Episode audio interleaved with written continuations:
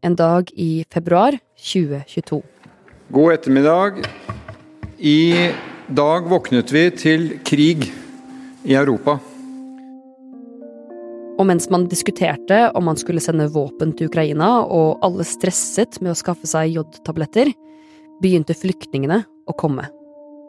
Og Norge var innstilt på å hjelpe dem. Vi skal møte flyktningene med varme, med omsorg og inkludering. Men vi skal også ha en realisme i hva dette betyr for det norske samfunnet. Siden Mehl sa det her på Stortinget, er det kommet over 70 000 ukrainske flyktninger til Norge. Og de siste månedene har vi tatt imot flere enn Sverige, Danmark og Finland til sammen.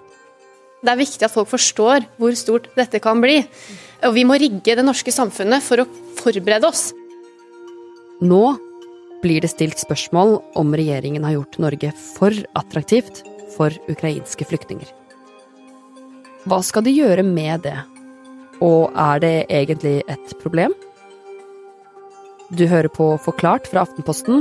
Hver dag forklarer vi én nyhetssak og gir deg det du trenger for å forstå. I dag om regjeringas strategi for å få færre flyktninger til Norge. Jeg heter Jenny Førland, og i dag er det onsdag 13. desember. Det var ganske mørkt inne i kirka. Jeg vet ikke om det var fordi de hadde dempa belysninga, men det var ganske sånn dempa belysning der. Eh, og det gikk jo fint i stil, holdt jeg på å si, med stemninga. Det her er Maiken Helene Bergsmo, og hun er politisk journalist her i Aftenposten. Hun har vært i Grønland kirke i Oslo og møtt folk som venter på å få utdelt mat fra Fattighuset. Det var veldig fullt. De hadde satt ut ekstra bord og stoler for at flere skulle få lov til å sitte ned. Folk var helt De så så slitne ut, og så lei og trøtte ut. Eh, så det var Det var ikke noe lystig kirkemøte. De Maiken møter i kirka, har allerede ventet i flere timer. For kupongene man trenger for å få mat, deles ut mellom syv og ni om morgenen, og det gjelder å møte opp tidlig for å sikre seg en sånn kupong. Og de som står bakerst i kø klokka ni, de får ikke kuponger fordi de er for sent ute. Da får de ikke mat. Da får de ikke mat. Etter at de har fått kupongen sin, så får de komme inn i varmen i Grønland kirke. Og der venter de til matutdelingen begynner klokken elleve. Men Maiken, hvem er disse folkene som venter på mat? Styrelederen på Fattighuset, Lasse Storvik, sa at 60-70% var ukrainere, men i kirka så var det, vil jeg tro, mer 90 altså, fordi alle aller fleste var fra Ukraina. Det var et par-tre stykk fra Midtøsten, men jeg fant ingen nordmenn. Jeg fant noen nordmenn på Fattighuset selve, ved selve matutdelingsstasjonen, men i kirka var det så å si ingen nordmenn som jeg fant, i alle fall. Maten som kommer fra Fattighuset, baserer seg på overskuddsmat fra butikkene. Og det betyr at når vi nordmenn selv sparer inn ved å handle varer på tilbud, eller bruker apper som eksempel Too Good To Go, så er det mindre mat til overs til Fattighuset. De har nå 40-50% mindre mat enn på starten av 2023. De to siste månedene nå, så har de kun holdt opp én dag i uka, selv om de har pleid å holde opp to ganger i uka. Men hva betyr det for de som står i kø, da? Altså, når det er mindre mat, så er det jo bare at færre får mat, og at flere går sultne, egentlig. Eh, så har de jo Fattighuset heldigvis nå fått donasjoner fra, fra, diverse bedrifter, og de kommer nå til å holde oppe to dager inn mot jul og litt over nyåret. Så det har jo løst seg på sett og vis, men altså, de kunne hatt åpent hver dag, men de har ikke nok mat til det. Men til tross for det her, så tror Fattighuset at matkøene vil bli lengre. For regjeringen har nemlig bestemt at nå skal noen ukrainske flyktninger få mindre penger.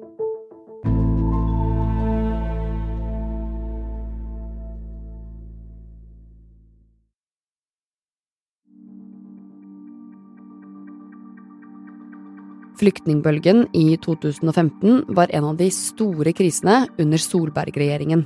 Det året kom det 31 000 mennesker, og Norge var langt ifra det mest populære landet. Men nå er det annerledes. Siden krigen brøt ut, har Norge tatt imot over 70 000 flyktninger. Det er omtrent like mange som bor i Sandnes kommune. Og det kommer fortsatt flere. Ok, da starter jeg. Andreas Slettholm, kommentator her i Aftenposten. Hvorfor tar Norge imot så mange ukrainske flyktninger? Antagelig så velger eh, mange ukrainere Norge eh, fordi eh, det er veldig gode ordninger her. Et godt omdømme, vennlige folk og den type ting, men også et mye mer omfattende introduksjons- og integreringsregime enn f.eks. Sverige. I Norge så blir jo flyktningene bosatt i en kommune, og de kommer inn eh, under et eh, introduksjonsprogram som skal integrere dem inn eh, i det norske samfunnet, og også ta vare på dem økonomisk, i et helt annet omfang enn f.eks. Sverige. Men nå ropes det varsko. Flere i det politiske Norge er bekymret, og kommuner sliter med å tilby bolig, skole og helsetilbud til alle som kommer. Så det som har skapt uh, uro nå, spesielt i høst, da, når uh, man ser at flyktningstrømmene egentlig øker og, og denne skjevfordelingen med andre land blir tydeligere, det er jo at uh, kapasiteten er sprengt. Altså, det handler om nok boliger, steder å bo. Det handler om nok folk som jobber i sosialtjenesten. Og det handler om at eh, den situasjonen som er nå, kan gå utover andre nødvendige funksjoner i det norske samfunnet. da F.eks. Eh, sosiale tjenester til uh, andre sårbare grupper.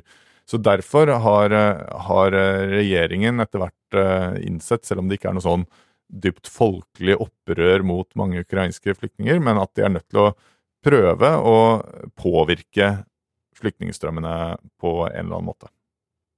Men det er jo mange nordmenn som lever på støtte fra Nav, og som ikke trenger å dra på Fattighuset. Hva er det som gjør at det er så mange ukrainere i den matkøen der? Ja, nå er det jo sånn at de aller fleste ukrainere ikke står i matkø, av de 70 000 som er her. Men eh, det er nok grunn til å tro at de fleste av dem befinner seg liksom tidlig i fasen, altså før de er bosatt i en kommune. Og det var jo tilfellet f.eks. med de som eh, Aftenposten snakket med. Eh, og i den fasen så, så er du eh, underlagt Utlendingsdirektoratets eh, basisbeløp, som har fått kritikk for å være eh, for lavt tidligere. Det kan nok oppleves eh, da som vesentlig trangere enn i den neste fasen, hvor du blir bosatt og er del av introduksjonsordningene. og og også blir eh, ivaretatt av, eh, økonomisk av den kommunen som du bor i. I forrige uke bestemte regjeringen at de skal stramme inn for ukrainske flyktninger. Og En del av det handler om liksom fleksibilitet og tilrettelegging akkurat når du ankommer. Sånn som at norske myndigheter har liksom transportert deg til, til ankomstsenteret i Råde hvis du har kommet inn et annet sted og trenger hjelp med det og den type ting, og en del hotellinnkvartering midlertidig og sånne ting. Men det viktigste grepet regjeringen tar, det er at de, de fratar ukrainske flyktninger eh, ett års barnetrygd. Eh, og det har vært en litt sånn spesiell ordning hvor du har krav på barnetrygd fra du kommer Ok, nå må vi holde tunga rett i munnen her. For det er sånn at vanligvis så får man barnetrygd hver måned. Ukrainske flyktninger får denne trygden først når de har bodd her i ett år. Og da får de en ganske stor engangssum for hele året, etterbetalt på én gang. Det her er skattefrie penger som går rett inn på konto til flyktningfamiliene. Og det er denne støtten regjeringen skal kutte. De skal fortsatt få barnetrygd, men ikke for det første året. Eh, og den, eh, den eh, summen vil altså regjeringen fjerne. Hvorfor skal de kutte det her? Det er fordi de prøver å påvirke ukrainere som ikke har kommet til Norge ennå, og sende signaler ved å si at det er ikke så eh, attraktivt eller så gunstig som kanskje ryktet skal ha det til. Eh, for det er jo I eh, innvandringspolitikken så er jo dette et veldig mye brukt eh, grep. At eh, man vet jo at eh, det kan fungere eh, å sende signaler, og at ryktet har noe å si. Men så er det jo høyst usikkert hva slags effekt denne endringen vil ha, da. Ja, hvorfor det? Jeg tenker at det skal mye til å endre en sånn oppfatning, og at uh, dette grepet da, er jo en ganske liten del av de ordningene ukrainske flyktninger i Norge får. Så jeg er skeptisk til om det vil ha noe sånn særlig effekt isolert sett. Nå har de jo også gjort noen endringer i at det skal bli mer arbeidsrettet og sånn. Men jeg tror, tror det er ikke sånn at du bare kan skru av og på en knapp, og så flytter du flyktningstrømmen. Det er helt åpenbart at mange har kommet hit pga. gode ordninger hittil. Eh, men eh, det er ikke like åpenbart at eh, du kan stoppe den strømmen ved å fjerne en del av de ordningene. Og en viktig grunn til det er jo at mange nå antagelig drar til Norge fordi de kjenner folk her. De vet at det bor mange ukrainere her, og det i seg selv er med å være en såkalt pull-faktor som kan trekke flere hit. Nå forteller jo de som jobber på Fattighuset her i Oslo, at køene kan bli lengre, og at det ikke er nok mat til den som trenger det. Kan det her gjøre det verre? Ja, igjen så vet vi jo ikke helt uh, hvilke ukrainere og, som står i matkø, og, og, hva som er deres uh, situasjon eller problem, da. Uh, men det er klart at å, å, å frata flyktninger penger i utgangspunktet vil jo ikke gjøre, gjøre deres økonomiske situasjon bedre. Eh, og så eh, tror vel jeg at mange av de som står der, er der før de egentlig får denne barnetrygden. Så kan du si at en, en bedre løsning, eh, hvis man var opptatt av fattigdomsproblematikken for ukrainere, i hvert fall, ville jo vært å få til å utbetale denne barnetrygden eh, jevnlig fra start, sånn at de også i denne tidligfasen eh, kunne få da penger til livsopphold for barna gjennom barnetrygden, sånn som alle andre i Norge får. Nå har det jo kommet over 70 000 flyktninger hit siden krigen starta. Hva kommer til å skje neste år? Nei, det er jo helt uh, usikkert hva som skjer. Jeg tror ikke Norge kommer til å slutte å gi uh, midlertidig kollektiv beskyttelse til alle ukrainere som kommer. Uh, kommunen er bedt om å bosette 37 000 mennesker neste år. Som sånn det ser ut nå, så kommer de ankomstene til å være eh, like høye neste år som i, som i år. Og da eh, vil det jo bare bli stadig større problemer eh, knyttet til eh, ja, bosetting, integrering, eh, ressursbruken for øvrig. Så, så, det er derfor regjeringen nok er ganske sånn desperate på å finne ut eh, hvordan de kan uh, prøve å påvirke disse strømmene. Eh, og jeg tror vel at hvis ikke man ser noen nedgang, så vil regjeringen kanskje prøve enda flere måter å sende signaler på, altså stramme inn enda mer.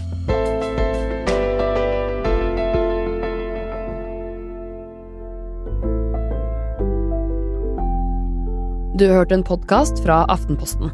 Det var Andreas Slettholm og Maiken Helene Bergsmo som fortalte om matkøen utenfor Fattighuset og hvordan regjeringen prøver å stramme inn for ukrainske flyktninger.